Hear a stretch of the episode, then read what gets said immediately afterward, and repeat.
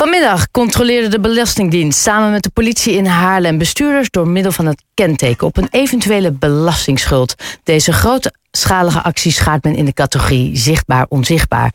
Aan de telefoon heb ik Jurgen van Dijk, coördinator deurwaarderij Hoofddorp. Um, Jurgen, ik ga beginnen met de vraag die alle Haarlemmers willen weten. Waar sta je en controleren jullie nog? Uh, wij, uh, goeie, wat ik, uh, goedenavond. Om te beginnen. Onze actie is inmiddels, is inmiddels ten einde. De scanauto's die zijn alle naar binnen geroepen. En onze controlelocatie is aan het Rijnalda pad geweest. En daar staan wij nog wel om de zaak af te handelen. En ja, onze scanauto's hebben op de N205 Haarlem in en uit gestaan. Op de Prins Bernhardlaan en de Amerikaweg. Dus helemaal rondom het Rijnalda pad. En wat exact doen jullie? Wat is het doel? Welke manier werken jullie? En vertel mij dat eens. Nou, het, het, doel is om zichtbaar aanwezig te zijn, uh, om uh, te controleren en eventueel uh, hand, handhaving te hebben op mensen die niet de belasting betalen. En waarbij inmiddels al een dwangbevel is uitgereikt, dus dat had al lang gebeurd moeten zijn. dat wordt gecontroleerd met behulp van een scanauto. Die scanauto's die zijn voorzien van een database en aan de hand van die database controleren we. Daar staan dus de kentekens in die gekoppeld zijn aan de belastingsschuld. Om het kortweg te zeggen, en op het moment dat daar een hit uit volgt, wordt het uh, motorrijder uh, zorgt dat uh, de betreffende voertuig uit de verkeersstroom wordt gehaald en naar de controlelocatie wordt gebracht.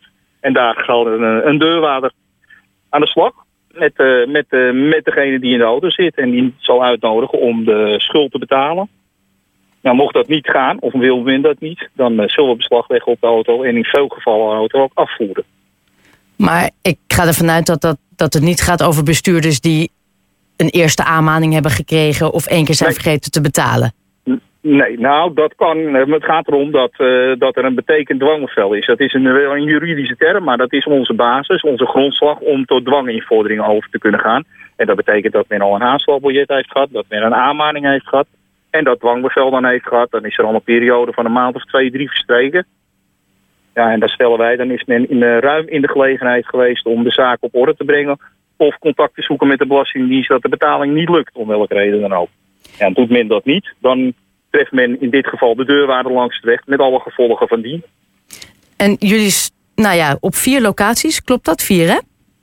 Uh, vier scanauto's op vier verschillende locaties. In Haarlem? Maar de controlelocatie, ja, maar de controlelocatie is op het Rijnalda pad. Oké, okay, en daar, daar uh, staan nou, wij te controleren. Sinds vanmiddag, jullie zijn er nu bijna klaar mee. Nou, dan ben ik toch ja. heel erg benieuwd. Hoeveel auto's, wat, wat is de score? De score, nou daar gaat hij dan. Uh, wij hebben op dit moment 37 auto's in beslag genomen. Zo.